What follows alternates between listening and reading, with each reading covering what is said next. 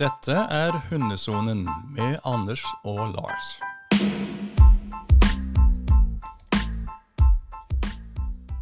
Velkommen til en eh, ny episode av uh, podkasten Hundesonen. Eh, ja, god dag, Anders.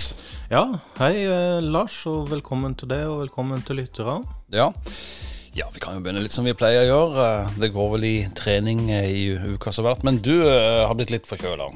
Blitt litt uh, forkjøla, sånn er det av og til, så uh, da hender det at man må, uh, må, eh, må legge inn hundetreninga i noen dager, da. Så eh, mm, det skjer. Det skjer. Sjøl har jeg jo vært ute og eh, gått både patrulje og spor, og jeg har hatt lydighet i eh, løpet av eh, uka. Og så har jeg jo gitt meg sjøl en bitte liten utfordring etter vi var hos Belinda i Danmark, nemlig med å trene litt mer rygg på hunden. Sånn at jeg jobber med å få Sina til å gå baklengs oppover en vegg. Ja, det er dette her med å trene bakpart og koordinasjon på hunden, så eh, på samme måte som at vi kan trene det opp og bli bedre, så kan òg hunden gjøre det samme. Ja, Og så er det kanskje, øh, når vi først snakker om det, det er kanskje noen som lurer på hvordan en øh, kan gjøre det. For min del så bruker jeg vanlig belønning, noe som hunden absolutt vil ha. Og så legger jeg belønninger belønninga under haka på hunden, både for å få til å rygge og for å få til å ta bakbeina på veggen. Og så er det akkurat det der når du tar bakbeina på veggen, så kommer belønninga med en gang ett bein toucher veggen først, sånn at hunden forstår eh, hva den skal gjøre. Ja, det er viktig det her med timing. Også i de sammenhengene her så er timinga kjempeviktig. Med en gang hunden gjør det vi ønsker, så eh, kommer belønninga. Gjør, gjør det. Du, eh, du har hatt en del hunder opp gjennom åra, Anders. Jeg begynner å få noen hunder opp gjennom åra. Og så er det jo en eh, periode som jeg tenkte skulle være tema for eh, ukas uh, podkast, eller denne episoden, og det er uh, unghundhelvete, som noen vil karakterisere det som. Eller at eh, hunden din blir i tenåra, for å ta en menneskelig sammenligning. Ja. At eh, hun eh, begynner å gjennomgå hormonelle endringer, og, og derav vil eh, endre noe atferd. Ja, for det, det er jo det som eh, skjer rent fysisk. Det jo eh, Det blir hormoner i en hund. og det kan slå ut på forskjellige måter, og det kan også føre til frustrasjon både for hundeeier og ikke minst hund. Det kan det.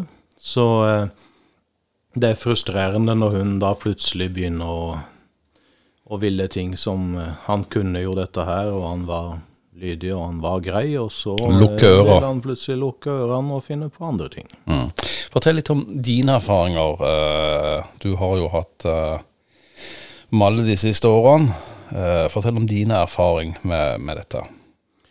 Ja, det er sånn eh, Det generelle med å Og, eh, og eh, det det ene er at i de periodene så kan en òg få, eh, få en hund som eh, plutselig reagerer på annerledes på, eh, på enkelte nye oppdagelser og ting. og Som f.eks. ei postkasse, søppelkasse. F.eks. ei postkasse, ei søppelkasse, og så eh, vil en òg få en hund som kanskje plutselig skal, eh, skal måle seg litt med, med andre hunder, og eh, i det hele tatt eh, også i hjemmesituasjonen og innesituasjonen, så kan måler seg litt med deg. Ja, måler seg litt med meg.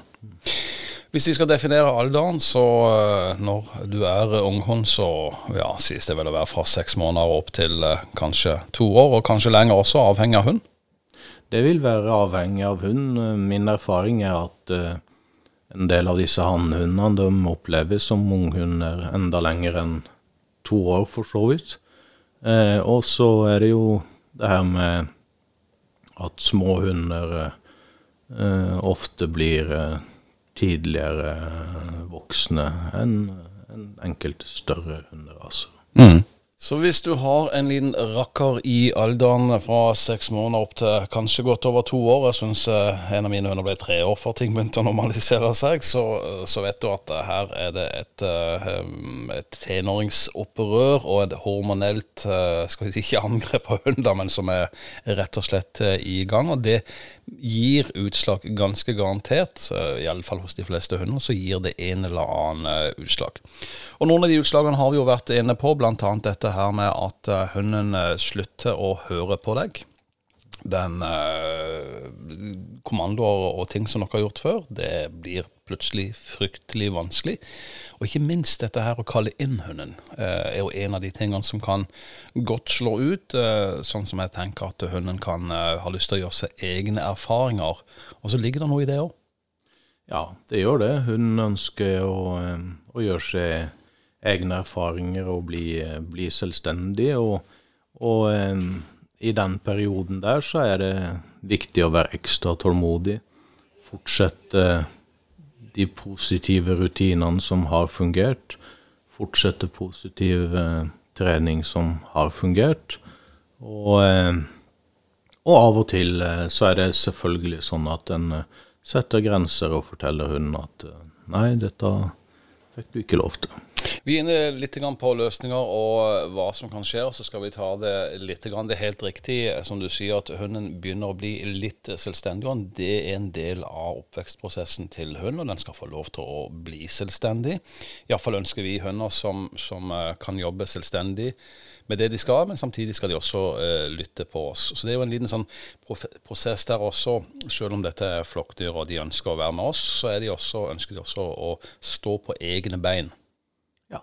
Og det er, det er naturlig, og man må jo se det positive i det òg, at um, uansett hva vi skal bruke hunden til, så, så um, skal han jo òg kunne utføre oppgaver selvstendig, og han skal komme gjennom en del uh, erfaringer, da, som vi snakket om, søppelboksen, uh, en pose som plutselig henger i vinden. Og, og, det har jeg opplevd. Eh, jeg kan ta siste eksempel jeg hadde, det var med Sina. Hun, eh, som kjent så overtok jo hun i nesten voksen alder. men vi opplevde et par ganger, spesielt i halvmørket ute i skogen. og eh, Hun så ting der mens hun gikk spor, og kom i en liten sånn fryssituasjon.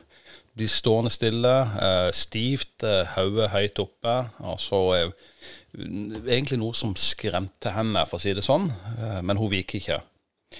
Og da tenker vi skal, skal komme litt med løsninger akkurat i de situasjonene hvis hunden utagerer på et eller annet i en eller annen form.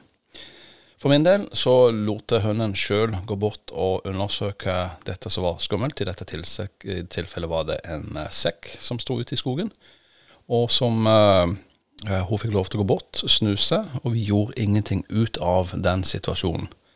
Og Det mener jeg fordi at uh, hvis du gjør noe ut av den situasjonen, så er du med på å skape en frykt som faktisk ikke er der. Det er det du er. Eh, enten om du skulle begynne å korrigere hunden, eller at du skulle begynne å støtte han, eller osv. Her er det viktig at hunden får løst det sjøl og avreagert, og at eh, vi eh, bare er helt rolige når dette skjer. Men så var du litt inne på hvor langt skal vi tillate unghunden å gå kanakas i tenåringsopprøret sitt? Ja, der er, det, der er vi tilbake til at uh, den får ikke lov til å uh, Alt ifra å ta Bite i sund-skoene? Uh, ja, nettopp. Ta sånn som jeg sjøl opplevde. det, var, det var jul, hadde kjøpt helt nye støvletter til kona som hun ønsket seg så veldig. Og, Man skal ikke le. og plutselig så, så, har hun rett og slett gått og forsynt seg med de, de nye støvlettene og, og rister dem. og og synes at uh, nå skal støvlettene uh, til pers og, og drepes. Og det, det, kan vi jo ikke da plutselig tillate, bare fordi at hun er i en alder der han nå skal, skal utfordre litt og sjekke hva som og hva, hva, gjorde du da? Da, eh, da, eh, da går jeg inn med en veldig tydelig, eh, og har lært det på forhånd, en nei. Og hun prøvde å stikke av med dem og legge seg på en grei plass og fortsette å tygge på dem, og da går jeg bort og tar dem med faen. For at det, vi er tilbake til alt ifra å stjele maten til alt annet. At nei, det, du fikk ikke Slippe unna med det. Mm. Da kan jeg avsløre for deg og lytterne at jeg har faktisk betalt kona mi 2500 for et par støvletter jeg, som forsvant. Og det var ikke noe X-Files over det. Det var hunden, det. Det er akkurat det som, som kan skje. og Ja. Det er jo der en ikke må, eh, må miste motet. da, At 'å nei, huffa meg', og 'dette går ikke over', og 'dette her fikses ikke'. For det Så lenge vi står i det og er tålmodige, så, eh, så ordner det seg òg. Ja, og så er vi litt den eh, Vi skal se litt også på den eh, Så vi var innom denne her uviljen til å lystre. Og det er også viktig, tenker jeg, at her skal man ikke filleriste noen ting som helst, hvis noen gikk med de tanker. Men eh, tvert om så skal man heller prøve å ha kontroll på den situasjonen som er, og spesielt hvis det er dette her at hunden ikke vil komme inn. Da tenker jeg at eh, det går an å sette, som vi pleier å gjøre på innkalling, sette en bånd på hunden, og så får altså ikke hunden lov til å belønne seg sjøl med å lukke øra og stikke ut. Ja, rett og slett sette på en langline.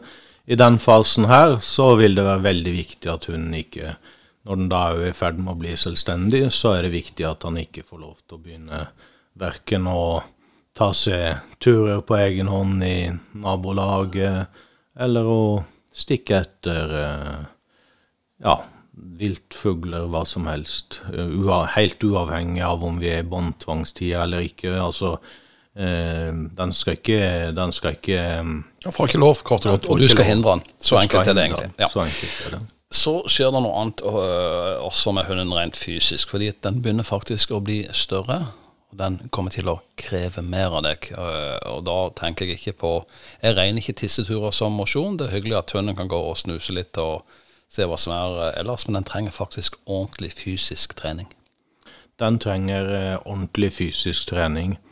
Ehm, det blir, eh, hvis en da har gått på eh, valpekurs eller et eh, kurs eh, også etter selve valpetida, et kurs i unghundtida, så er det jo det der at eh, ja, nå har vi vært på kurs, sånn fungerer det ikke.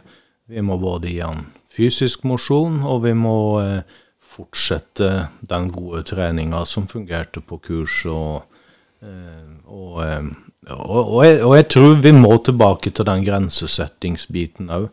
Det at eh, nå, eh, nå etablerer vi hva som ikke Ja skal gjøres. Jeg har lyst til å gripe litt tak i akkurat det du sa med oss, og vi må tilbake også til, eh, til eh, ja, ja og nei, og så må vi tilbake litt grann også til eh, den treninga du holder på med.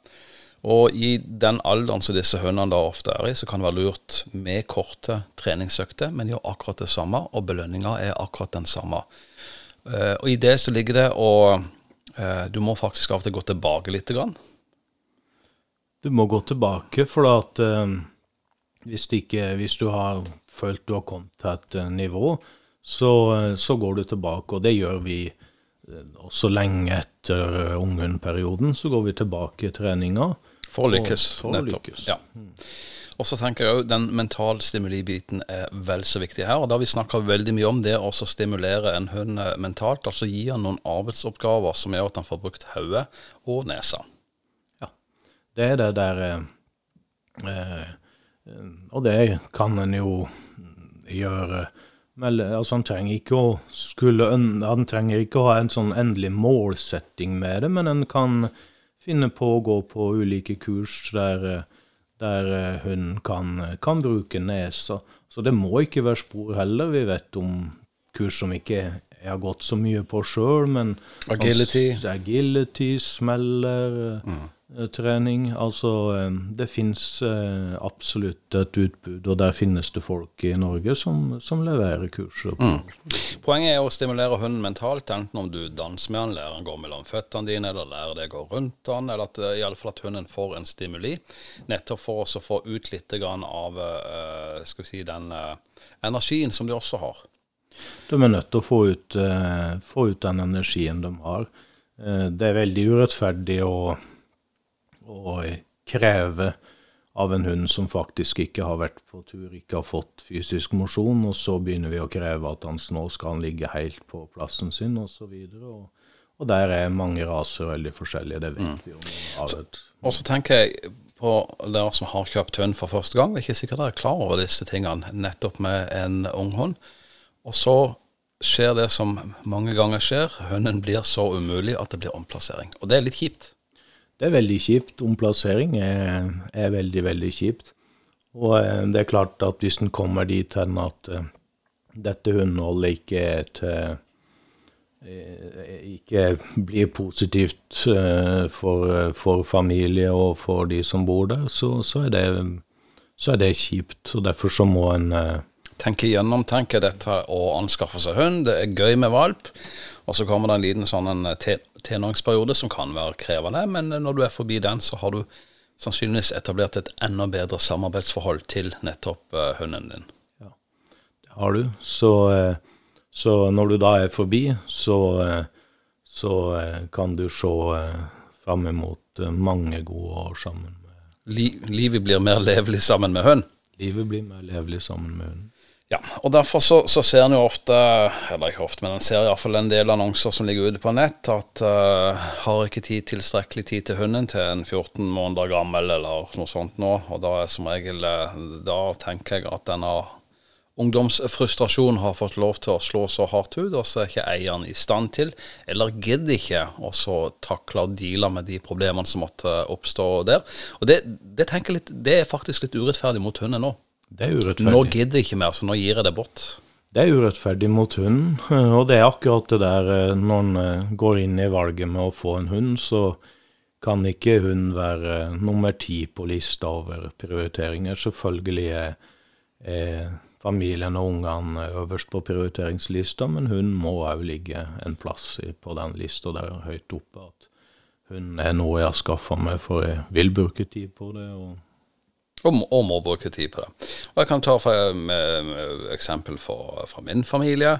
Så jeg minst eh, like ute med hund som er med barna på fritidsaktiviteter. Og kanskje jeg ennå ikke mer ute med hund hver dag, fordi at den må få ut litt. Men, men poenget er at eh, du må faktisk prioritere det. Og så er det en ting til. Du må ville det. Du må ville det, og eh, det også er, er, er veldig mye av, av det med hundehold og trening av hund. Du må, eh, du må ville det, selv om du ikke skal eh, konkurrere eller har et sånn konkret mål om noe du skal godkjenne, så må du ville dette. Men der var du inne på noe. Eh, Jeg er ikke så sikker på jeg hadde tatt med nødvendigvis alltid den unghunden i en konkurranse. Fordi at uh, ofte så greier de ikke å fokusere så mye. Du kan bli skuffa over deg sjøl, du kan bli skuffa over hunden din, som egentlig kanskje er ganske god, men bare ikke moden nok. Det er klart at uh, det med både å godkjenne en hund, uh, eller at den skal konkurrere, det også er sånn at uh, der er det bedre å vente til hunden er litt, litt eldre, vente på seg et halvår, enn å på liv og død si at når hunden er to år, da skal vi gjennom Ditt og datt. ditt og datt. Fordi at det, det er jo krav som du stiller til deg sjøl, egentlig ikke til hønen.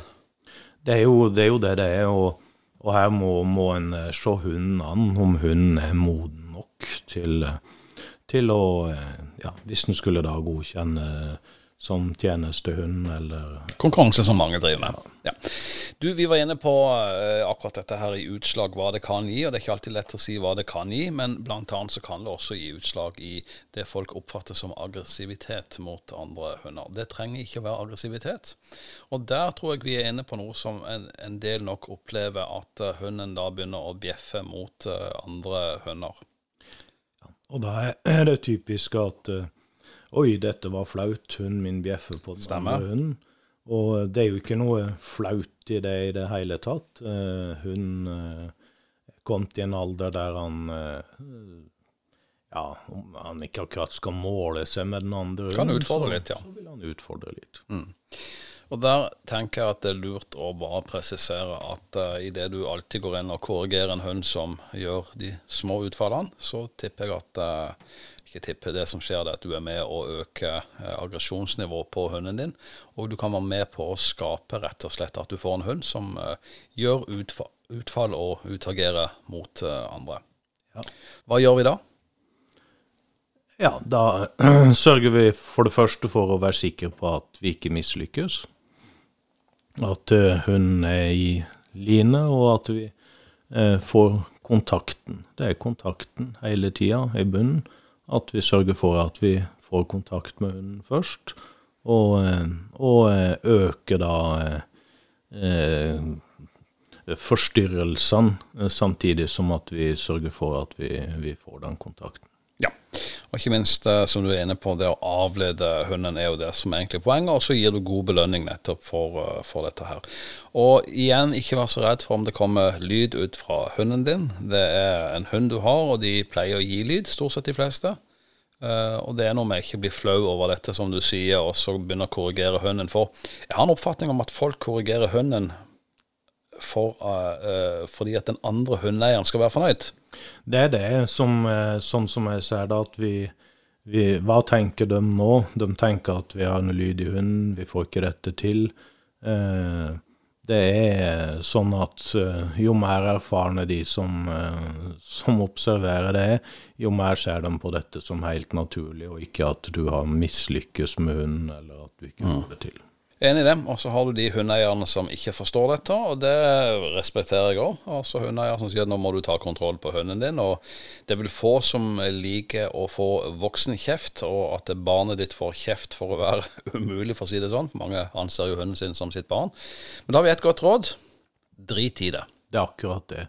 At uh, vi kan ikke drive og ta oss nær av hvem som helst uh, sier, og eh, vi vet ingenting om hvilken kunnskap disse har. Som regel har de mindre kunnskap. Ja, og ofte så kommer de med belærende råd, og for å være konfliktdempende som menneske, så sier du bare ja og ha, og så går du bare videre. Du gjør det. Belærende råd og quick fix. Quick fix fins ikke. En må bruke tid på dette her. Hvis vi skal oppsummere denne episoden, så uh, hva du gjør med en unghund som uh, utagerer, så handler det om å gi han uh, være tålmodig. Det handler om å gi han stimuli, eller gi hunden stimuli, både mentalt, ikke minst fysisk. Og vi tenker også tren som du pleier å gjøre, belønn de gode situasjonene. og kanskje ha noe kortere økter hvis hunden ikke greier å fokusere fordi det er så mye som skjer.